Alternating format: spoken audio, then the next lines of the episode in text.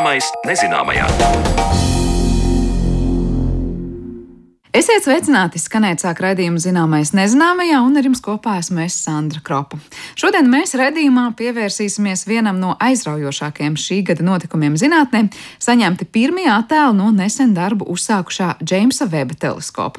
Kas tajos ir redzams, kāda ir senākā galaktika visumā un kāpēc šie attēli ir tik svarīgi, par to tad drīz sarunu studijā ar mūsu amatieru astronomiem.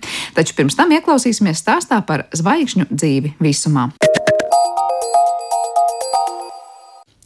Varoties debesīs, zvaigznes mēs redzam kā spožus punktus. Diezin vai šajā brīdī tik daudz aizdomājamies par to, ka zvaigžņu dzīvē novērojams arī tādas stadijas kā baltais punduris, brūnais punduris un vēl citas. Ir skaidrs, ka zvaigznes no kaut kā rodas, tās savas dzīves laikā mainās un kaut kad to dzīve arī beidzas. Zvaigžņu likteni vairāk iepazīsim Marijas Baltkalnas veidotajā stāstā.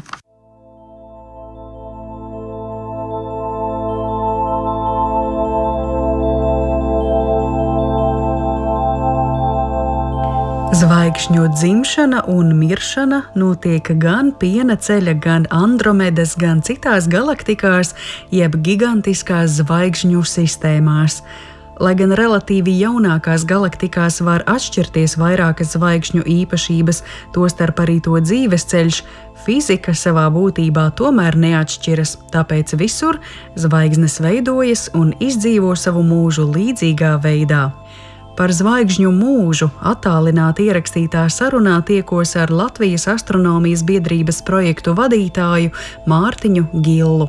Un vispirms noskaidrosim, kā tad zvaigznes piedzimst un kas ir to sastāvā. Un te iederīgs būs teiciens: ja vēlaties ieraudzīt zvaigznes, paskatieties paši uz sevi. Kāpēc tā? Par to turpina Mārtiņš Gils pašā sākumā, tad jāsaka, ka faktiski visa viela un viss, kas mums ir apkārt, arī mēs paši, sastāv no elementārām daļiņām, kuras ir eh, veidojušās kādreiz zvaigznēs. Citreiz daži pat poetiski saka, ka nu, mēs esam zvaigžņu putekļi. Un tā faktiski arī ir. Visi elementi, kas ir smagāki par ūdeņradi, ir gājuši cauri kodola sintēzei zvaigžņu kodolos vai kādās nu, citās eksplozijās. Pēc tam no jau vienu zvaigžņu produktiem, pārpalikumiem ir veidojušās nākošās zvaigznes, un uh, tās zvaigznes jau satur smagākus elementus, un ap zvaigznēm ir putekļi, kas uh, savācās un veido arī pēc tam tālāk planētas, uh, planētu sistēmas. Un tad visam tas pamatu pamats ir tas, ka pats vienkāršākais ķīmiskais elements - ūdeņradis ir pārtapis smagākos elementos. Un sākums, pirmsākumos bija tāds, ka ūdeņradis eh, ir veidojis tādus tā klāsterus, jeb tādus sabiezējumus, Pirms tam eh, jau gravitācijas spēki ietekmē, tie sabiezējumi ar vien vairāk un vairāk savēlkās kopā un saspiežās, un tad izveidojas tās eh, zvaigznes. Klausoties eh, jūsu stāstu, man radās tāds jautājums, kas bija pirmais, ja vista vai ola, jo jūs minējāt, ka visas jaunās zvaigznes veidojas no pārpalikumiem, kas izveidojas no iepriekšējām zvaigznēm. Un tad ir kā rastos jautājums, kur tad to visu ņēma tās iepriekšējās zvaigznes, ja kas pašos pirmsākumos veidojās.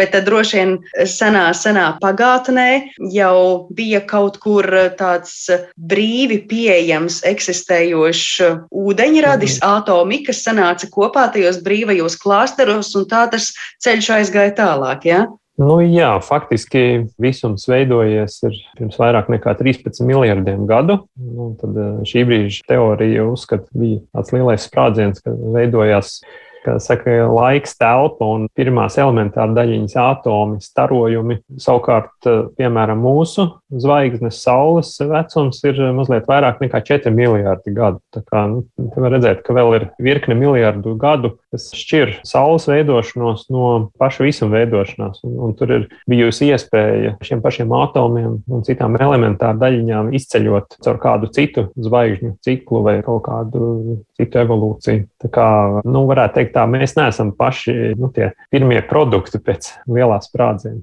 Bet tad sanāk tā, ka tām zvaigznēm, kas tagad dzimst, tām sastāvā noteikti ir kaut kas daudz, daudz vairāk nekā tikai ūdeņradis, vai ne? Jā, nu, faktiski katrs nākamās paudzes zvaigznes jau satur vairāk smago elementu. Protams, tas viss ir relatīvi, jo nu, te mēs runājam nu, par kaut kādiem procentiem. Tas nav tā, ka visas nākamās paudzes zvaigznes sastāv no oglekļiem vai no dzelzceļa. Ir zvaigznes, kur šādi elementi ir dominējoši, bet eh, tas nenozīmē, ka kādas jaunas zvaigznes veidotos tikai no tā. Jo, lai zvaigznē notiktu kodoltermiskās reakcijas, nu, faktiski, lai notiktu kodola sintēze, lai veidotos gan liela enerģija, gan arī pēc tam mēs iegūtu arī smagākus elementus, tad uh, tas pamat uh, elements, kas deg, tas ir ūdeņrads. Viņš pārtop kēlijā, pēc tam arī veidojās kādi citi elementi, blakus produkti, starojumi dažādi.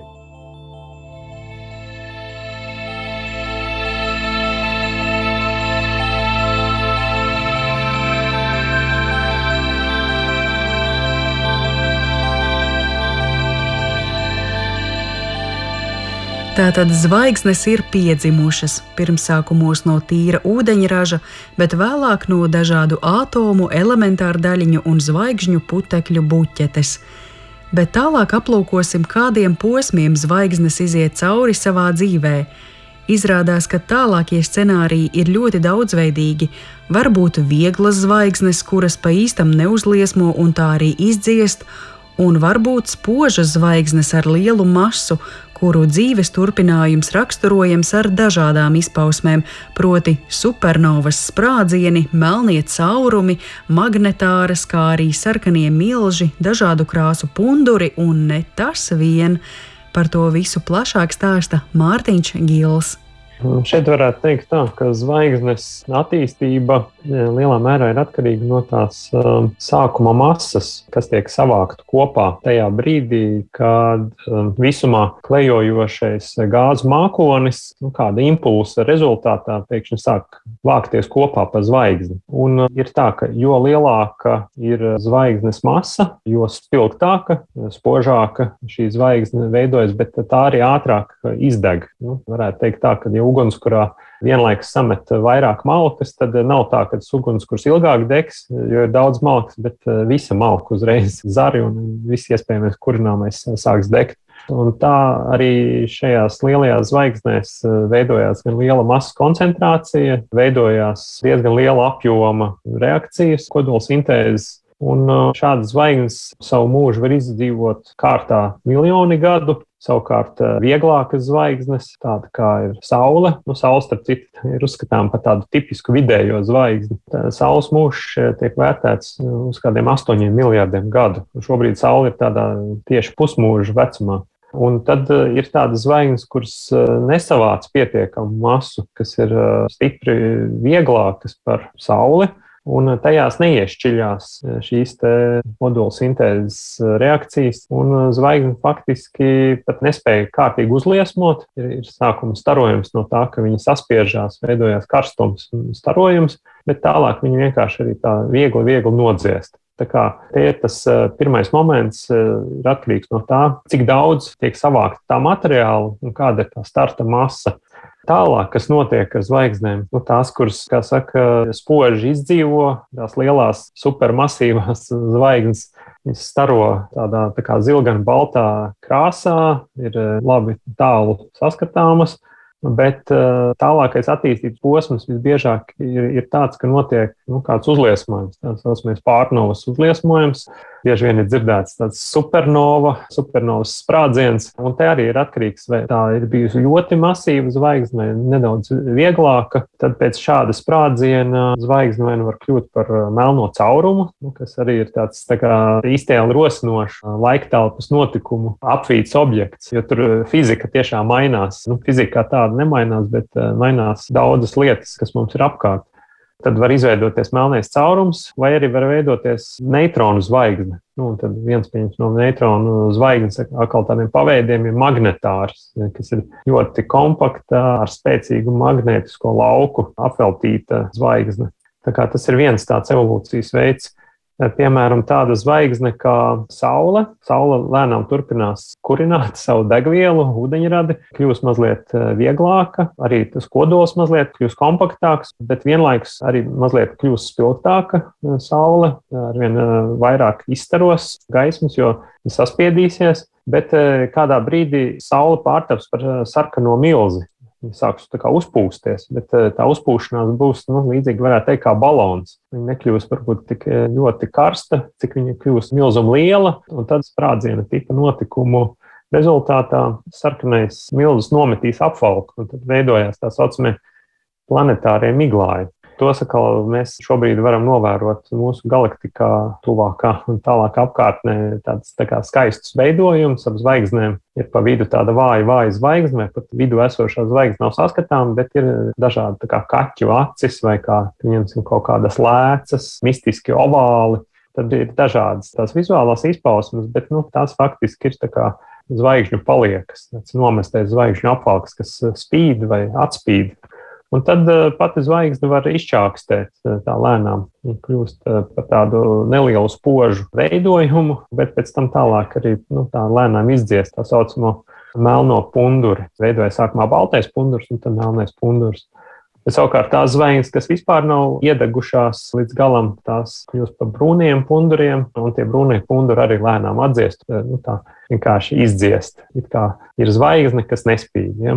Tā kā ir dažādi tie varianti un tālāk jau viens process ietekmē nākamo. Piemēram, pārnavu sprādzieni vai nomesti zvaigžņu apvalki padara pieejamas zvaigžņu paliekas, kas pēc tam atkal var sakoncentrēties un veidot kaut ko jaunu. Tādējādi galaktikās ir rajoni, kur zvaigžņu ir gan vairāk, gan mazāk, jo to nosaka izējas materiāla daudzums. Bet, ja runājam par Zemē tik svarīgās zvaigznes, Saules miršanu, tad jāņem vērā, ka tas ietekmētu arī Zemi. Laimīgā kārtā mums līdz tam ir vēl mazliet laika - aptuveni 4,3 miljardi gadu. Mārtiņš Gils skaidro, kas notiks pēc tam. Zemē īstenībā kļūs grūti jau tajā brīdī, kad pamazām sāks pieaugt starojuma apjoms no Saules, tad uh, Zeme uzkarsīs. Bet te nav runa par desmit tūkstošiem vai pat miljoniem gadu. Tas tiešām ir vēl tālākā nākotnē. Tā mūsu acīm redzot, tas nesatrauks. Jā. Sakiet, eh, zvaigžņu nāve, tie procesi, ko zvaigznes var piedzīvot, visdažādākie, ko jūs iepriekš nosaucāt, tas vienmēr ir tā dabiski, nu, ka zvaigzne dzīvo, dzīvo, un tā ir ieprogrammēts, ka kādā brīdī tā ir eh, jānomirst, vai precīzāk izsakoties, jāpārto par kaut ko citu dzīves beigās, vai arī var būt kaut kādi ārēji apstākļi, kas eh, nāvi izraisa.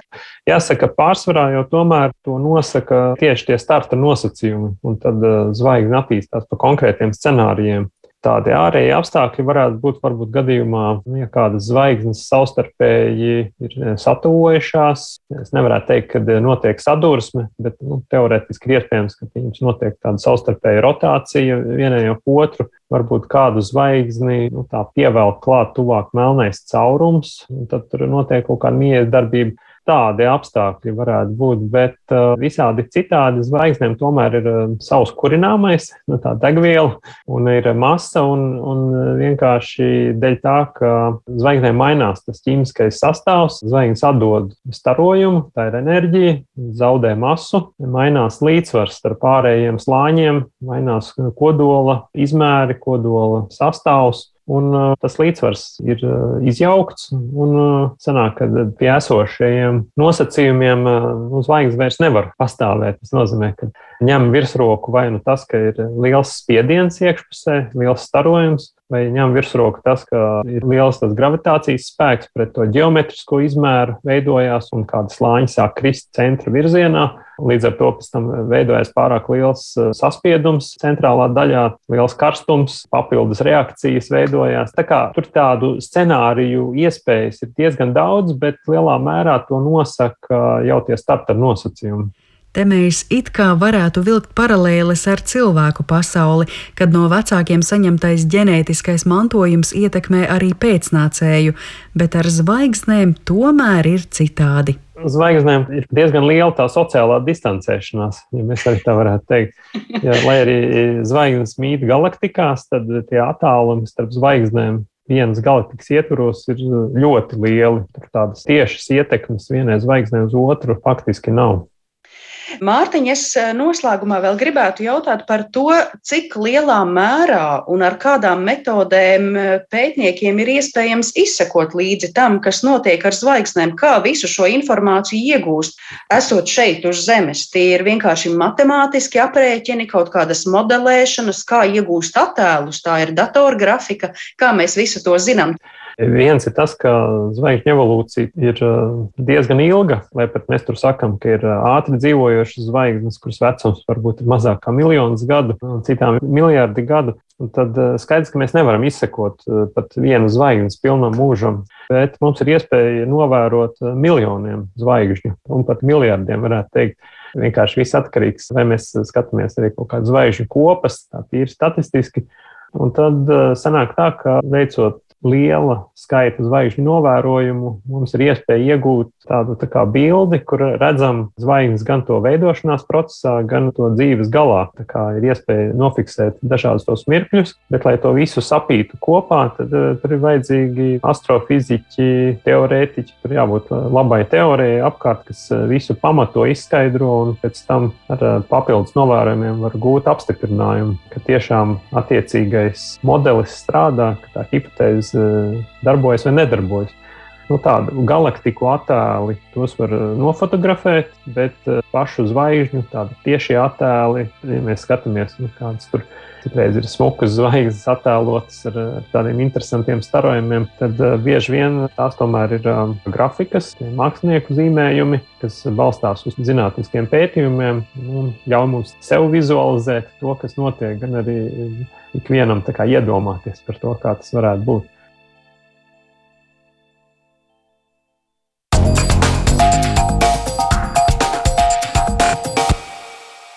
Par zvaigžņu dzīvi dzirdējām Marijas Baltkalnes arhīvu veidotajā stāstā, bet raidījuma turpinājumā pievēršamies satriecošajam Džeimsa Veba teleskopa pirmajiem attēliem.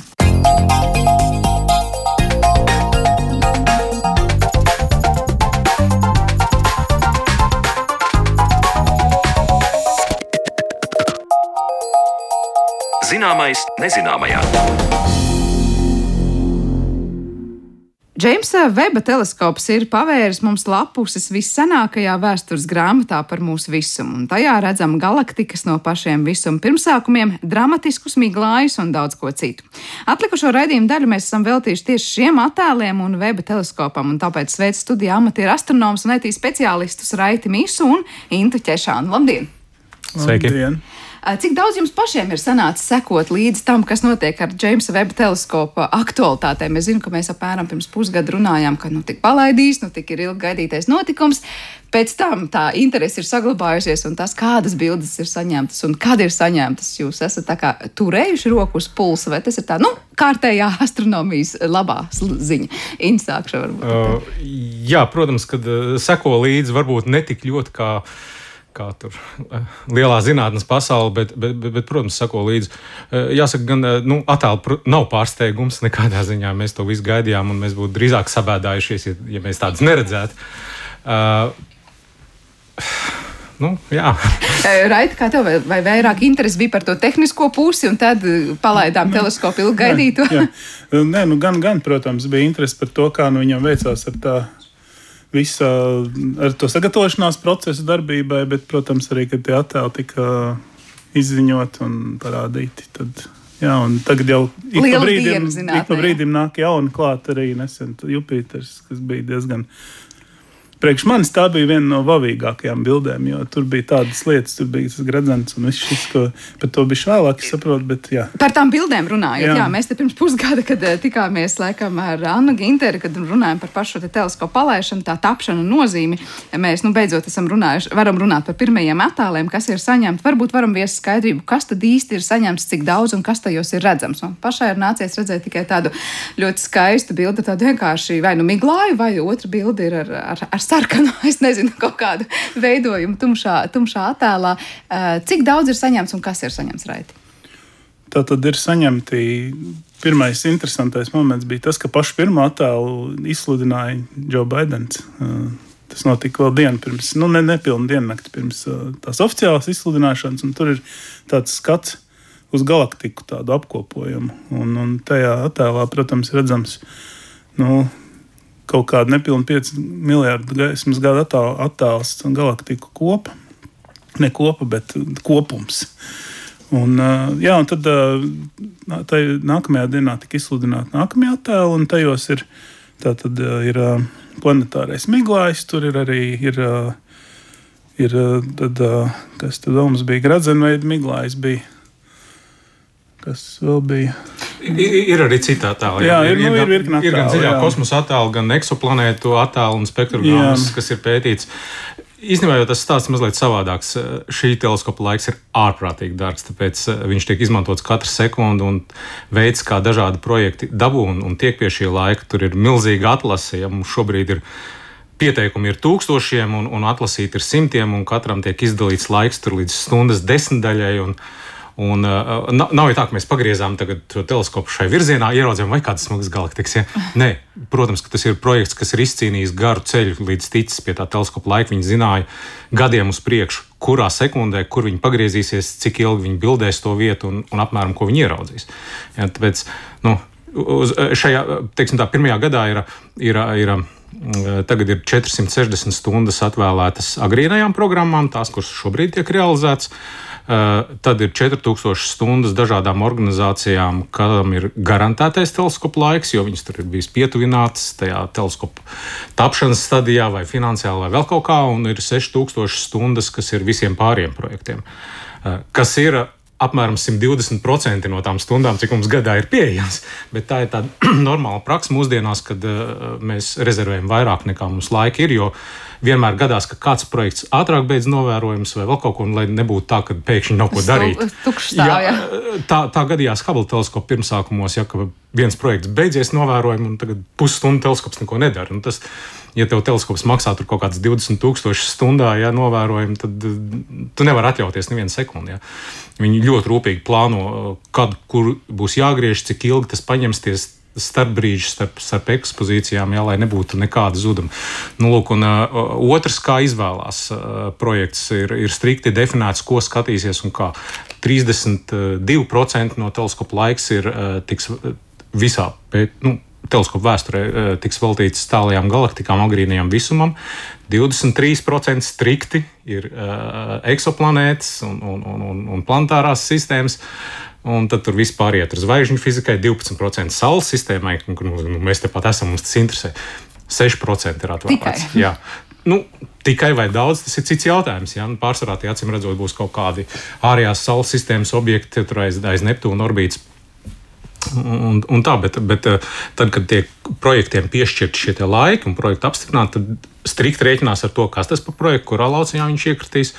Nu, katrā ziņā nevar tā, ja kurš, kurš grib tagad tikt pie teleskopa un kaut ko pētīt un skatīt. Nu, jā, un šis arī nav tas gadījums, kad es jums samaksāšu miljonu, dodiet man stundu teleskopu. Nē, te ir, te ir, nu, tev ir jābūt ar pamatīgu komandu aizmugurē, ar pieredzi, ar iepriekšējiem pētījumiem, novērojumiem, secinājumiem, sasniegumiem.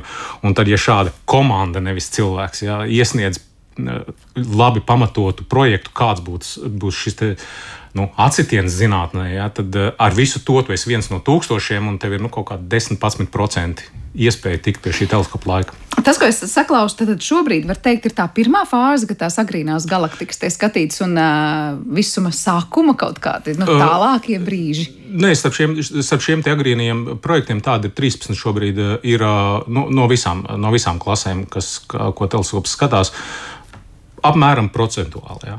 Tur šie projekti arī jāsaprot. Ir, ir, ir šobrīd ir, ir gan tādi projektiņi, kuram ir piešķirts teiksim, stunda. Ja. Ir tādi projekti, kam ir piešķirts nu, pa 50 stundām šajos agrīnijos uh, pētījumos. Un, uh, lielākie projekti pirmajā gadā ir tādi, kam ir piešķirtas līdz pat 200 stundas Tā skaitā ir viens uh, saules uh, sistēmā uh, novērojama projekts, kuram ir nepilnas 100 stundas, kas ir tāds bezprecedenta gadījums ļoti daudz priekš šādu projektu. Bet kā tas īstenībā šobrīd notiek? Tātad tās stundas ir piešķirtas. Šobrīd notiek tā, tie novērojumi to stundu laikā, un pēc Jā. tam jau mēs gaidām vēl laiku, kamēr tur dati tiek izprasti, apstrādāti, interpretēti. Jā, tas, ko mēs esam ieraudzījuši šobrīd, nu, piemēram, šīs konkrētās Jā. galaktikas, piemēram, mm, tas ir teikt, ļoti daudz novērojumu stundu, plus jau interpretācijas stundu nu, gala rezultāts. Nu, interpretācijas un datu analīzes tas notiek. Uh, ir runa tagad par tīro teleskopu mm -hmm. laiku, ko reāli tiek veikts uh, attēlu iegūšana, datu iegūšana. Faktiski viņi iegūst datus un pēc tam apstrādājot, tad jau nosaliek kopā attēlu. Un, un tā vienkārši, nu, lai saprastu to, kā tas apmēram ir, tad tā pirmā attēla iegūšanai vajadzēja vairāk kā 12 stundas teleskopa ekspozīcijas laika, kas ir. Nu, Tas ir viena attēla, faktiski datu savākšanai. Tas ir tajā brīdī, lai tikai savāktu datus, no Jā. kura tad veidot to attēlu. Tieši tā, un pēc tam jau tālāk ar datoriem. Cilvēki, kas saprot, ko dara, veido šos attēlus. Uh, jā, nu šeit, šeit divi komentāri. Pirmkārt, uh, tas attēls, ko, ko, ko, ko tu redzi mēdījos, jā. Jā, tas, protams, ir mazliet tāds apmāns. Web teleskops neskatās vispār optiskajā diapazonā. Viņš ir no, no, no tumši, tumši sarkana un tālāk tur infrasarkanajā mm. diapazonā apmēram līdz 20. Nu, tās faktiski jā. ir datu interpretācijas. Jā. Uh, otrakārt, uh, uh, raidījuma taisnība. Šis, šis, šis galaktikas, uh, tā bija 12 stundu gara ekspozīcija. Uh, lieta tāda, ka šis attēls ir diezgan līdzīgs tam, kādu iespēju Hubble pirms 20 gadiem. Tikai nelēma tāda, ka Hubble tur skatījās vairākas nedēļas, lai savāktu šādu pašu, ja webam, nu tā ātri tas notiek. Jā. Es domāju, ka pēc, pēc kaut kādiem gadiem, pieciem, desmit, arī, arī webam atradīs brīdi, kad pastīties tuk, tukšā, melnā vietā, jā, un, Kāda un pastīties brīdi, tur pāris nedēļas, un jā. ko tik mēs tur neieraudzīsim. Tas, tas, to no, visu mēs sagaidām. Vienkārši, jā, lai saprastu, tad uh, Webs spēja savākt apmēram sešreiz vairāk gaismas nekā to spēja Hubble. Tas tā vienkārši, lai ilustrētu to. Kāpēc tas tik viegli viņam, nu, nosacīti viegli nāca līdzinot ar, ar šo Hubble. Bet, ja, piemēram, tagad šis web teleskops to pašu, nezinu, 12 dienas kaut ko ekspozīcijā skatīsies, tad uh, mēs ieraudzīsim vispār līdz šim nezināmas jā, vietas. Jā. Un jā, jo līdz šim tas, ko mēs esam saskatījuši, tas ir tas, ir tas ko mēs, mēs visi gaidījām. Nu, jau 20 gadus. Weba teleskopa galīgais dizains tika apstiprināts 2003. gadā. Un kopš tā brīža mums ir zināms gan viņa spējas, gan funkcionalitāte. Tas, ko mēs tagad redzam, mēs zinām, ka mēs to saskatīsim. Ja. Būs brīdis, kad mēs saskatīsim kaut ko tādu, ko mums pilnīgi negaidījām. Ai, Kaut kas pilnīgi jauns. Par to, ko gaidījām un negaidījām. Es saprotu, ka ir atrasta senākā galaktika šobrīd. Mēs varam teikt, ka nu, tagad mēs esam gaidījuši un ieraudzījuši to, Jā. kas tad ir tā nu, vissenākā, pirmā. Uh, mēs ieraudzīsim arī senāks, nešaubies. Jā, bet, Līdz šim senākā. Sapratu, ka viņu mērķis ir skatīties tur kaut kāds 300 miljonus gadu pēc lielā sprādziena. Līdz ar to tas ir kaut kas tāds, kas vēl nav redzēts, un tur gan jau būs vēl kaut kas interesants noteikti. Jā. Nu, restīvi, tas, ko mēs esam jau saskatījuši, tas nav pārsteigums. Mēs Jā. to gaidījām, un, un būs vēl, un vēl vecāki. Nu, Gan drīz tur pašā pirmā turē paskatīties, beidzot varēs. Jā. Bet es pareizi saprotu, ka tā galaktika, kas nu šobrīd ir tā vecākā, atrastā un ieraudzītā, ir tā 300 miljonu gadu pēc lielā sprādziena, kas ir par 100 miljoniem gadu agrāk nekā līdz šim domāts, vai, vai prognozēts, vai atrasts. Vai, nu, Ap, apmēram tā. Un tad ir jāizlasa Jā. konkrētā publikācija. Ja kāda... Bet tā laika līkne, lai mēs saprastu, cik nozīmīgs ir tas attēls. Uh, Tas ir gana būtiski, jo, jo, jo skatoties tik sen uh, pagātnē, mēs mācāmies pār visuma evolūciju, par to, kā viņš, kā viņš radās, kā viņš attīstījās un kas gal galā ir tā vide, kurā mēs dzīvojam. Ja? Kur, kur mēs te atrodamies? Tas viss sākās. Jā, nu, tieši, tiešām kā sākās. Ja? Nevis kaut kādas jo, spekulācijas. Jo, mums, protams, ir no, no, no, no, no astrofizikas viedokļa par visam pirmsākumiem, tur pirmām nanosekundēm, atosekundēm un pirmajām sekundēm eh, daudz kas izpētīts. Tad mēs vairāk skatāmies tur cerna instrumenta virzienā, ja, bet, bet eh, brīdis, kad parādās pirmās galaktikas, ja, kā, kā tā matērija sakopojās, cik agri tas radās, tā mēs varam veidot modeļus par to, kā, kā visums izveidojies, ir uzbūvēts un darbojas. Tad var teikt, līdz šim vairāk mēs pēc modeļiem un tā, ko ieraudzījām instrumentos šeit pat uz zemes, eh, veidojām šīs te... Jā, bet nu, tās mazliet tādas, ne, neteiksim, dažādas pasaules, ja mēs, mēs šīs astrofizikas brīdī skatāmies uz daļiņu fiziku, jā, šeit mēs skatāmies uz makrofiziku. Un ieraugām uz to, objektiem. Kā, jā, kā, kā no tā veid, izveidojas šī, tas, kā izveidojās šī pasaule. Par eksoplanētām runājot, vai tur ir kaut kas pārsteidzošs tā, ko jau ir ieraudzījis šis teleskops, ir ar kaut ko atšķirīgu no tā, ko varbūt esam redzējuši līdz šim? Uh, teik, teikšu, nē, viņi ir tālāk nekā tas, ko mēs līdz šim esam saskatījuši. Viņi ir, mēs esam saskatījuši konkrētas lietas. Tur mēs zinām, ka tagad šīs planētas atmosfērā tūkstotis gaismas gadu no šejienes ir, ir uh, ūdens tvaiki, tur ir mākoņi, tur ir mīkla. Mēs zinām, kādos daudzumos. Tas ir tās lietas, ko mēs līdz šim nezinājām par konkrētu planētu. Tas, ka mēs to ieraudzīsim, tas nav pārsteigums. To mēs gaidījām. Uh, kas ir tas, ko eksoplanētu pasaulē mēs vēl nu, ceram ieraudzīt, vai kas ir prognozēts mm. ieraudzīt uh, ar šo nu, teleskopu? Mēs ceram beidzot paskatīties uz kādām. Šī bija liela planēta, tu uzvaigznēji, paskatīties uz kaut ko tālāk, kaut ko Zemē līdzīgāku un paskatīties šo planētu kaut kādas atmosfēras sastāvā, vēl kādas īpašības un mēģināt saprast, vai tās ir apdzīvojamas gal galā arī uz šādu veidu jautājumiem, mēģināt rast atbildes. Piln, pilnīgi noteikti Weba teleskops uz šādus jautājumus apskatīs un, un, un cilvēki to pētīs, lai gan strikt runājot, tā arī ir viņa nu, tehnisko spēju robeža. Jā. Skatot, domājot par Zemē līdzīgām planētām, mēs skatāmies uz nākamo teleskopu, kurš šodien tiek konceptuāli būvēts un dizaini ir īstenībā mm. šobrīd divi apstiprināti un redzēs, kā tur ies. Bet mēs runājam par startu kaut kur 40. gados. Mm -hmm. nu jā, tas ir astronomijas skaistums un posms vienlaikus, ka no vienas puses idejas ir skaistas un lielas, bet līdz tam ir jāgaida gadu desmitiem. Liekas, ka šodien, šodien, bet rezultāts šādu būs... projektu realizāciju, tad, tad ir jāskatās apkārt, kā webstapa, kā Hubble stapa un, un kā tagad iesa jauniem uh, teleskopiem, bet uh, šādu instrumentu. Uh, nu, izdomāšana, koncepcija, dizains, būvēšana, palaišana tas ir uh, nu, gadi 30. Jā, nu, tāpēc, ka top kaut kas tāds, kas nekad nav bijis. Jā, un ar tādām spējām, kādas līdz šim nav bijušas. Līdz ar to saprotams, ka tas ir tas nu, nosacīts zinātnes pati smaila. Ja, tā varētu tā tēlēni izskoties. Teikt, tas tāpēc arī tā ir, ka tas laiku prasa. Par laiku runājot, es pieņemu, ka neviens klausītājs varbūt šobrīd domājot par tiem attēliem, kas citu, internetu vidē ir skatāmi gan krāšņi, teiktu, kā ir iespējams noteikt, cik vecuma, sena precīzāk ir tā galaktika vai, vai, vai cik tālu konkrēti tā atrodas. Varbūt var tā pavisam vienkārši ieskicēt, nu tad mēs ieraugām galaktiku, kā mēs varam pateikt, cik tā ir 300 vai 200 miljonu gadu pēc lielā sprādziena vai, vai kāds tas tur ir. Tur ir, tur ir nu, tāda astronomijas pamatjēdziena. Mēs runājam par sarkano nobīdi. Respektīvi, mēs zinām, ka visums izplatās, mēs zinām, cik ātri viņš izplatās. Ieskaitot to, ka dažādos laikos šķiet, viņš ir izplatījies mazliet dažādos ātrumos, un skatoties, cik ļoti sarkanāka gaisma ir palikusi no objekta, ko mēs novērojam, mēs varam stādīties priekšā, cik tālu viņš ir attiecīgi, cik sens viņš ir.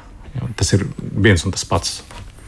Bet tur ir gaidām kaut kādi pārsteigumi. Kaut kādā brīdī varbūt pateiksim, oi, saskaitījām kaut ko nepareizi, nodektējām kaut ko nepareizi. Tomēr tā galaktika ir tur tālāka vai tuvāka, līdz ar to sanāka vai netik sena. Nē, nu, sarkanā nobīde ir tieši, tieši tāda, kādu mēs viņu spektrā ieraugam. Mums, mums ir kaut kāda, kaut kāda zināma ķīmisko elementu spektrālās līnijas, tā ir tieši tāpat kā ķīmijā. Un mēs skatāmies, cik daudz viņas ir nobīdījušās uz, uz sarkano pusi. Ja? Nu, tas mērījums ir precīzs. Ja? Viņi, mm -hmm. Mēs zinām tieši tik, kā mēs viņu interpretējam, cik daudz tas visums ir izplaties starp šo punktu un to punktu. Ja? Tas, ir, tas, ir, tas ir mazliet cits jautājums. Ja? Bet, eh, nu, To arī cilvēki pēta, ja, un tāpēc tas ir zināms diezgan precīzi. Eh, runājot par to senāko šobrīd zināmo ieraudzīto galaktiku, ar ko tā atšķiras no tā, kādā galaktikā mēs dzīvojam? Vai tā ir pilnīgi citādāka uzbūves ziņā, nezinu, lieluma ziņā, formas ziņā? Veida Gal, ziņā? Galvenokārt jau to, ka tur nav šo nu, smagāko elementu tajā zvaigznēs. Cik tas iespējams noteikt. Un tas tā lielākā atšķirība, ka tā ir nu, pirmā galaktika, kas ir tur ūdeņradas hēlijas, varbūt vēl kaut kas mazliet. Tā ir tā lielākā atšķirība. Līdz ar to visdrīzāk, ka tur kaut kādas arī, ja būs planētas, tad tās būs. Nu, mēs viņus, protams, nedroši vien nekad neieraudzīsim, bet kaut kādas tikai gāzes, gigantu tipu planētas un tādas lietas, tā varētu būt tā lielākā atšķirība Tā man šķiet. -hmm. Kādi nu, minējumi? Ne, pilnīgi taisnība. Ja, tur, tā, tas ir zvaigžņu evolūcijas jautājums. To sauc par zvaigžņu populācijām, pirmā, otrā, Jā. trešā. Cik daudz šo smago elementu ir? Jo smagie elementi rodas pa lielam tikai zvaigžņu zīlēs pārsvarā tikai novu sprādzienos. Restīvi, visas cietās planētas, tādas kā mums te apkārt, mēs paši gal galā, ja, nu, tas ir tas, kas, tas, kas radies Zvaigžņu kaut kādām putekļi. zvaigžņiem, zvaigžņiem beidzot savu dzīvi. Ja, un uzsprāgs šajās agrīnajās gal, galaktikās, kur mēs runājam par miljoniem gadu, šādu zvaigžņu praktiski nav. Ļoti liels zvaigznes dzīvo ļoti īsu brīdi, ļoti maz lielgi, ja, tad šīs lielās zvaigznes varbūt tur ir jau kādas jau, jau, jau, jau, jau beigušas dzīvi, un, un, un, un šis materiāls tiek izmantots uh, nākamajām ja, zvaigznēm. Bet, uh, bet, protams, tas ir ļoti, ļoti niecīgs laiks. Nav tā kā šeit, kad mums ir uh, aiz muguras mūsu galaktikai 14 vai cik tur miljardi gadi. Jā, tas ir laikam tāds - jā, jā. Nu, praktiski no, 14, var teikt. Visum, visum, visum vecums. Jā. Jā. Un, un, un, un, un mums šeit ir šo te uh, smago elementu salīdzinoši daudz. Lai gan astronomi, astronomijas valodā ir tā, visums sastāv no ūdeņraža, hēlija un metāliem. Ar metāliem saprotat, pilnīgi viss, viss, vis, kas jā. ir smagāks par ūdeņradu, viss ir mm -hmm. metāls. Jā, un, un, un tad nu, mēs sākam ļoti precīzi skatīties, kādu ķīmisku elementu mums tur eksoplanētas atmosfērā interesē, kas kāda kā tur elementi. Jā, bet, eh, bet vis, nu, tā globāli ņemot, jā, jo, jo, jo visu to smago metālu universā kopumā ir, ir, ir melns aiz nāga. 0, kaut kāda procenta. Viss ir 90% ūdeņraža, 10% hēlija grupa runājot. Jā, bet redz, kā interesanti, ka skatoties uz tām pirmajām, mēs varam vismaz iztēloties, ka tur noteikti neatradīsim tādas planētas, kādas ir mums zināmās, kāda paši mēs esam. Tad varbūt, ja pat ir kā raidījis teicis, gāzu milži. Eh, kas ar to miglāju, vai tur ir kaut kas interesants, ko ir iespējams nezinu, pakomentēt un teikt, nu, skaisti izskatās, redzējām līdzīgi kā mm, Hubble teleskops savulaik nofotografēja. Nu, tas ir zvaigžņu veidošanās apgabals, uz kuru paskatoties, tagad viņš ir, tas attēls, protams, ir asāks, precīzāks, un kad es skatījos to viņa izsludinājumu, runāšanu, tad tur nāca cilvēks, kas bija profesionāli astronomi. Viņai bija arī kaut kādas vietas, kur viņa teica, nu, šitā mēs īsti nesaprotam, kas tas vēl ir. Jā, kaut kas interesants. Līdz ar to viņiem arī tiem, kas jau tur ir iekšā tajos procesos, kas ir tajās komandās, kas veic šos novērojumus, ir arī kaut kādi brīži, kad ir saņemta saņemts attēls, dabūts, un viņi domās, tagad, ko viņi tur redz. Protams, lielākoties viss ir skaidrs, bet, bet ir tādas vietas attēlā, kur viņiem ir jautājumi, ko viņi analizēs, pētīs un sapratīs, ko tad īsti tur redz. Tā kā, nu, tas tā interesanti arī savā ziņā. Šeit īstenībā ir būtiska atšķirība starp, starp Hubble teleskopu, kurš uh, viņam arī bija instrumenti, kas skatās ultravioletu optisko infrasarkano, bet Weba teleskops ir būvēts tikai infrasarkanajā diapazonā. Un tas ir, tas ir ļoti būtiski uh, ne tikai agrīnām galaktikām, kur mēs novērojam stipru sarkanu un infrasarkanu gaismu, bet arī šiem miglājiem, jo gaisma uh, daudz labāk infrasarkanajā diapazonā pārvar uh, gāzes mākoņus, pārvar putekļu mākoņus. Ir kaut kas caurredzams. Jā, optiskajā diapazonā ir vienkārši mākonis, un mēs redzam ārējo malu. Ar to infrasarkanu mēs varam ieskatīties diezgan dziļi iekšā. Un tāpēc šādas, šādi miglāji, kur, kur, kur veidojas zvaigžņu sistēmas, vai kur vienkārši pa vidu starp kaut ko, kur mēs gribam redzēt cauri, tur, tur weba teleskopam būs nu, tādi līdz šim nepieredzētas iespējas. Te mēs nerunājam par to gradzenu veidu miglāju. Tā ir laikam cita bilde. Ja? Es saprotu, jā, tas ir vēl cits attēls. Tas bija tas ķīņa miglājs, par ko es runāju jā. tagad. Jā, jā. Kas ir ar to gradzenu veidu miglāju? Tur ir tāds arī, es saprotu, ja krāsa ziņā vismaz izskatās, man liekas, tāds zilgan balts apvīts ar kaut ko ļoti skaisti izskaidrot, kas tas Skaisti, ir. Tā bilde ir, bet tā. Vai tu, kas tur ir interesants? Man, eh, man īstenībā nav komentāru. Vien, vienīgais, ka nu, krāsas, protams, ir nosacītas. Nu, ja un tas, ka tur dubultzvaigzne ir vidū, tas laikam kaut kāds bija moments. It kā bija zināms, bet tagad ir precīzāk redzēts. Bet arī tas pats, jau, kā Inns teica, tie attēli nav jau tādi nu, milzīgi pārsteigumi. Mēs jau arī zinājām, ka Jupiteram ir gredzeni. Bet tagad mēs arī to nu, atkal ieraudzījām attēlā, kas nesen tika publicēts. Un, nu, zināmās lietas varbūt labāk izšķirtspējā un, un precīzāk. Bet, Nu, un, skaist, un skaistāk. Un skaistāk. Jā. Bet arī par to ekoplanētu varētu teikt. Nu, tas pats, apmēram, ko zinājām, gaidījām, vienkārši ieraudzījām, kurā vietā kāda no nu, kārtējām. Nu, tālāk, kā līdz šim. Jā, tālāk, skaidrāk, Jā. precīzāk. Mhm. Un, un kāda ir tā pati planēta, cik daudz par to mums ir zināms? Nu, tā ir ļoti liela planēta, ja, un iz, tiek izmantots uh, konkrēts brīdis, kad viņa šķērso uh, zvaigznes disku skatoties no mums. Tāpēc šiem novērojumiem ļoti precīzs laiks nepieciešams. Viņi būs tieši tad šis notikums, un pēc tam viņi vairs nebūs. Uh, un, un brīdī me, mums ir šis zvaigznes spektrs, mēs viņu skatāmies, mēs zinām, kādu, kādu, kādu gaismu viņi izstrādā, un tad, kad šī planēta iet garu zvaigzni, priekšā pieeja, tad šie stari iet cauri šīs planētas atmosfērai. Un par to, kādu spektru, kā, kā, kā šie fotoni ir izmainījušies, kādu spektru viņi parāda, mēs spriežam par to, kādi elementi ir atmosfērā. Nu, tad no tā tālāk vispār iesecinājumi par šo planētu. Mēs zinājām, ka šī planēta tur ir. Mēs zinājām apmēram, cik liela ir. Tāpēc tas nebija tā kā skatīties tukšumā. Mm -hmm. Tie bija iepriekšēji atklājumi, bet nu, vairāk neko par viņa atmosfēru mēs nezinājām pilnīgi neko. Nu, tagad mēs zinām. Bet uh, eksoplanētu ir daudz, un jautājums, kāpēc, ja mēs jau zinājām, ka tā tur ir, um, mums bija vērts ieraudzīt tieši Tieši to, kas tur kas ir. Tur ir, jā. tur ir atmosfēra, nav atmosfēra, viņi tur ir metāna atmosfēra. Bet tieši vai... šī eksoplanēta, ar ko ir izpelnījusies tādu uzmanību, lai lūk, uzvarētu visos tajos konkursos un būtu man, laiks, lai tas būtu. Mana versija, ka tas bija viegls mērķis šobrīd. Varbūt, ja agrīnajām pro, pro, programmām pārbaudīt funkcionalitāti, ka viss strādā tieši tā, kā mm -hmm. mēs sagaidām, jā, un ka nav nekāda pārsteiguma. Ja viņi tiešām nu, liela tuvu zvaigznei, un līdz ar to nu, vieglāk nekā ja kaut kādu zemes izmēru planētiņu skatītu. Pietiekami tālu, lai būtu izaicinājums. Jā, un pietiekami tālu, lai parādītu tās jaunās spējas. Jā. Un pietiekoši skaisti, lai pēc tam komunicētu, lūk, ir sasniegums, ieraugāms, izmērāms. Tas nebija īpaši skaisti, tur vairāk tie dati bija skaisti, bet nu, tāds vizuālais skaists. Jā, jo nu, tur tā nebija. Te, šos te, tur, tur var tikai kāds, kāds uh, mākslinieks uz, uzzīmēt, pēc tam tos datus interpretēt, jo tas, ko, ko, ko šīs zinātnieks skatās, tās, tās ir spektrogrammas un, un tādas, tādas lietas, tas ir tehnisks. Mm.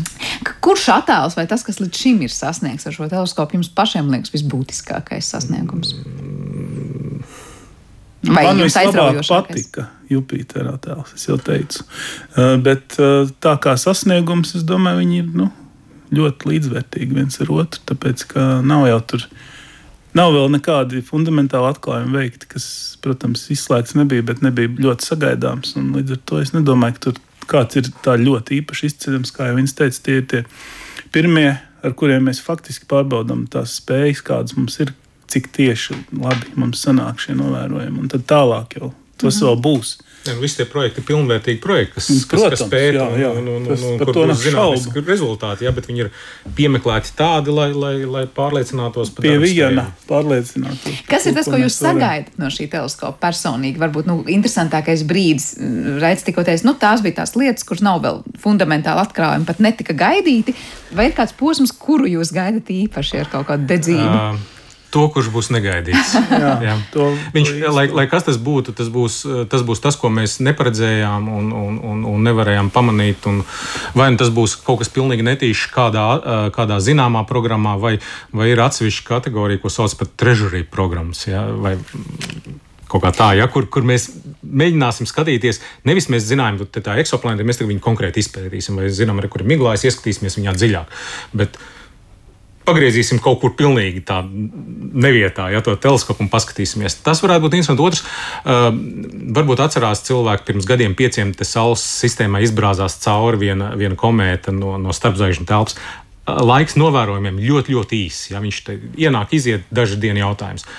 Ja gadīsies šāds objekts pēkšņi, ja, tad nu, es ceru, ka tiem teleskopu operatoriem izdosies tos projektus mazliet pabīdīt, lai fiksi ja, šajā brīdī pagriezt to teleskopu un ieraudzīt kaut ko tādu, kas ir pēkšņs, ja, un, un, un, un pēc pāris dienām vairs nebūs. Un, fiks novērosim. Bet ir tehniski šis teleskops varēs būt tāds, nu, tāds mm, piemēroties spējīgs gan ātri, lai pēkšņi pagrieztu varbūt tiešām no pilnīgi citas puses uz mūsu pašu saules sistēmu paskatīties vai kā citādi? Uh, nu, jēdziens ātrs ir ļoti, ļoti nosacīts, jā, ne, jo, jo kādam ātri ir gads un kādam ātri ir mikrosekunda. Mums astronomijā ir visādi tur šie gamma uzliesmojumi, radio mm. uzliesmojumi, ja, kurš ir, viņš ir, viņš ilgs mikrosekundu, nu pamēģini tur pagriezties. Ja bet, bet jā, ja mēs runājam par nu, kaut kādiem tādiem objektiem, kur mēs runājam par dienām, jā, jā var mēģināt pielāgoties. Mm. Mums ir bijuši arī, arī tālajā kosmosā, tālās galaktikās kaut kādi. Pietiekami regulāri, piemēram, supernovu uzliesmojumi, vēl kaut kas tāds. Viņš, viņš var ilgt tur dažas sekundes, viņš var ilgt stundām, ja ļoti iespējams. Es atceros, ka Hubble teleskopa laikos bija viens mistisks notikums, kad ļoti, ļoti tālā galaktikā pēkšņi kaut kas uzliesmoja ļoti, ļoti spēcīgi. Nu, tā, ka daudz, daudz, daudz spožāks par visu galaktiku kopā kaut kāds objekts. Un tad dažu dienu laikā viņš nodzis, nodzis, nodzis, kamēr, kamēr, kamēr izzūd skatienam. Ja? Un, un, un Hubble teleskops viņu novēroja un sacēla lielu vilni mēdījos, bet nu, neviens līdz galam, man liekas, tā arī nav sapratis, kas tas bija. Ja? Jo, jo priekš, priekš kaut kādas supernovas vai vēl kaut kas kaut kādu, kaut kādu ne pa mazu. Ja? Un, Nu, jā, jā. Jā, pa lielu, jā, Pa un, un, un, un vai, vai kaut kāda tur neitronu zvaigžņu tur saskriešanās, vai vēl kaut kas, nekas, nekas īsti neatbildēja. Palicis vēl noslēpums. Jā. palicis vēl noslēpums, ja, bet tas ir tāds, tāds notikums, kas ir pietiekami pēkšņs, ja, un, un, un, un, un nu, būtu forši, ja varētu to teleskopu laiku izbrīvot. Ja. Nu, cerams, ka to izdosies, bet es vēl vēlētos jums pajautāt, atgādināt cilvēkiem. Tad es saprotu, ka vispār šis pats teleskops ir lielākais teleskops, ko nu, cilvēks mēs esam uzbūvējuši vai izveidojuši Nu, šobrīd. Un- kosmiskais. Kosmiskais Jā, teleskops. Jā, jā, jā. Uh, kāda ir tā misija, ko mēs īstenībā no tā sagaidām? Vai viņam ir tāds, es nezinu, tāds uz, brieduma laiks, kuru mēs gaidām, un teiksim, nu, tas būs tas posms, kurā mēs sagaidām visintensīvāko darbu, visintensīvākās nezinu, bildes atklājumus vai ko citu. Jo šobrīd es saprotu, jūs arī teicāt, nu, vairāk kā pārbaudām, lai viss labi Jā, strādā. nē, nu, kā es īstenībā pašā sākumā par tiem procentiem minēju, mm -hmm. tas ir tieši tas, tas ir strikt sadalīts. Tātad tur ir uh, gaisma no agrīnajām zvaigznēm. Tur ir galaktiku evolūcijas pētījumi, tur ir uh, zvaigžņu un planetāro sistēmu pētījumi un nu, planetārās sistēmas un dzīvību izcelsme jau īsumā. Tā varētu jā, un- tuvākiem gadiem, vai tas ir Tas ir, tas ir misija kopumā. Jā. Cik ilgi vien viņi ies? Jā. Nu, mums ir labā ziņa, ja, ka uh, Frančija Ariana uh, komanda, kas, kas, kas kosm nogādāja šo teleskopu kosmosā, viņi viņu pārsteidzoši negaidīt, precīzi ievirzīt trajektorijā uz šo Lagranžu punktu un, un, un tādā veidā ietaupīja ļoti daudz degvielas, kas ir uz šī teleskopa. Pusi, laikam, jā, no tā, kas bija paredzēts Restīvi, iztērēt, jā. nu, tas, tas šo teleskopu mūžu var pagarināt pat vieniem desmit gadiem tikai tam dēļ, ko Frančs tā Precīzi, jā. precīzi izdarīja. Jā, un tas ir, tas ir milzīgi daudz. Jā. Jo, jo viņš uh, nav tā kā Hubble, kurš atrodas pietiekami stabilā orbītā ap Zemi, ja, kuram vajadzīga tikai elektroenerģija, lai, lai, lai grozītu savu orientāciju. Ja. Uh, šiem te aparātiem, kas atrodas Lagranžas punktā, tā ir tāda gravitācijas, nevis stabila, bet tāda labila, tā bumbiņu uz galda situācija, kad tev visu laiku vajag maz mazliet piekuriģēt to vietu, bet tas ir ļoti, ļoti viegli, jo tas praktiski. Un atrodas šis Lagranža punkts, at, atkārtosim un Jā. izskaidrosim cilvēkiem. Šādi ir da- vairāk punkti, jā, bet mēs runājam par otro Lagranžu punktu, kas atrodas pusotru miljonu kilometru aiz Zemes, skatoties no Saules. Tad Saule, Zeme un pusotru kil- mil, miljonu Nu, kilometru. jā. Lagranžs punkts ir diviem objektiem. Tas jāsaprot. Šeit gadījumā ir runa par Sauli un Zemi. Jā. Mhm. Un varbūt tiksim, Zem un Mēnesis Jā. arī var būt. Un līdzīgi, jebkur divi objekti, kas ir Un, vienā un, viņ, orbītā. viņš ir tā, tā, tāds punkts, kur, kur tā gravitācijas balanss iestājās starp, starp Sauli un uz gravitāciju un Zemes gravitāciju. Un, un, nu, no turienes būtu ļoti viegli aizlidot jebkurā virzienā un noturēties tur arī ir salīdzinoši viegli, bet visu laiku nepieciešama degviela. Un atšķirībā no Hubble nekādas servisa misijas webam nav paredzētas. kā, Nu, Salūst, protams, var visu kaut kas, jā, bet uh, visticamākais, ka misija beigsies tad, kad beigsies degviela. Un kad tas ir prognozēts, un tad mums ir pusi vairāk. Vismaz desmit gadi. Nu, tā. Nu, desmit gadi bija nominālā misija, jā, Jā. un tagad ir, ir doma, ka ir vēl desmit gadi klāt. Ja, tā kā, Nu, var teikt, ka līdz šim teleskopam ir klājies eh, labi grūti uz Zemes, jo tur ilgi un dikti tika eh, atcelts tas starts. Un tad tagad ar precīzu ievadīšanu šajā punktā, nu, tā kā viss iet pēc plāna. Uh, jā, nē, protams, ir mums arī tur bijuši notikumi. Mums ir problēmas ar mikrometeorītiem. Ir jau bijuši seši triecieni pa spoguli. No tiem maijā viens bija tāds lielāks nekā gaidīts. Ja, nu, kas nu, tā kā nebija tā kā negaidīti, ja, bet nu, man likās, ka mazliet vairāk nekā vajadzēja būt. Jā, Ja. Iespējams, ir. es tā pie sevis padomāju, varbūt tas Lagranžas punkts ar to labilo gravitācijas, ja varbūt viņš pievilina ne tikai mūs, bet arī meteorītus. Ja. Tīri no, no tādas orbitālās mehānikas viedokļa, ja, bet uh, nu, redzēs. Viņi, viņi, protams, ietekmē to veiktspēju, bet nu, līdz šim ne tā, lai tas būtu manāms. Nu, Nu, ļoti ir cerams, viens spoguli mazliet tur pa, pa, pamainījuši viņa īpašības optiskās, bet tā nebūtiski. Nu, tādā ziņā, ka pagaidām viss vēl ir labi un nu, kā, kā bija rakstīts, pārsniedz gaidītos optiskos parametrus. Kā, to, nu, cerams, ka tas jā. arī turpināsies jā. Turpmākos gadus. Noslēdzot šo sarunu, mēs parasti runājam par astronomiju. Liekam aiz auss to arī aspektu, ka ļoti skaisti ir tādas fundamentālas lietas ieraudzīt, saprast vai paskatīties uz to senāko galaktiku, piemēram. Bet kur ir tā praktiskā pielietojamība, lai mēs teiktu, nu tur miljardi ir izlikti, lai, lai, lai šo projektu palaistu un uzturētu? Vai no tā, ko mēs jau esam ieraudzījuši, ceram ieraudzīt, ceram saprast, mēs varam teikt, būs kaut kāda pievienotā vērtība arī ārpus tikai tā, ko fundamentāli jauki ir saprast, vai pati tehnoloģija, kā šis teleskops ir tapis un kāds tas ir, mums varētu nest arī pēc tam praktiskajā dzīvē kādu labumu. Jā, nu, abi, abiem diviem jautājumiem ir, ir atbildi. Jā, pirmkārt, tas realizēt šādus projektus, protams, ka mēs iemācāmies daudz ko jaunu, kā būvēt, ko uzbūvēt, kādu materiālu, kādas metodas, kādu nezinu, programmatūru un tā tālāk. Un, un, un Eh, liela daļa no tā pēc tam atrod eh, tieši pielietojumu kaut, kaut kur citur, tiešā veidā, modificētā veidā.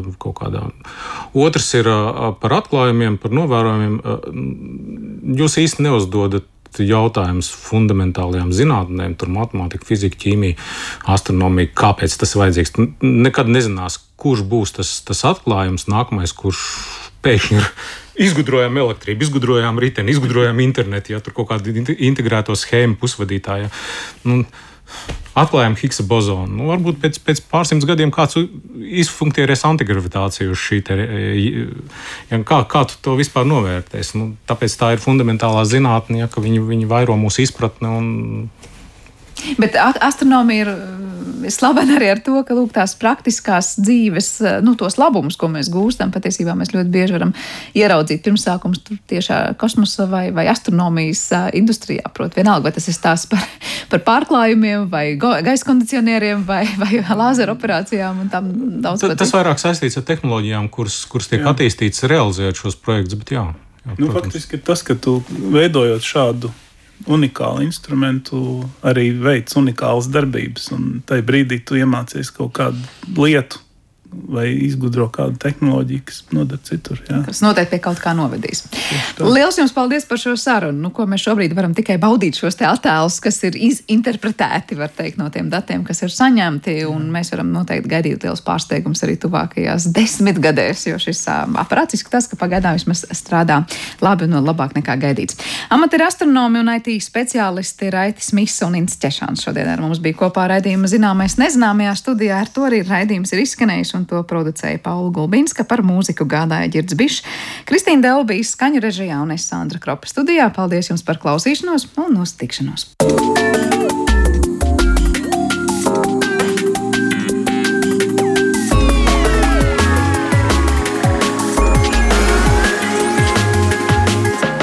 Zināmais nezināmajā.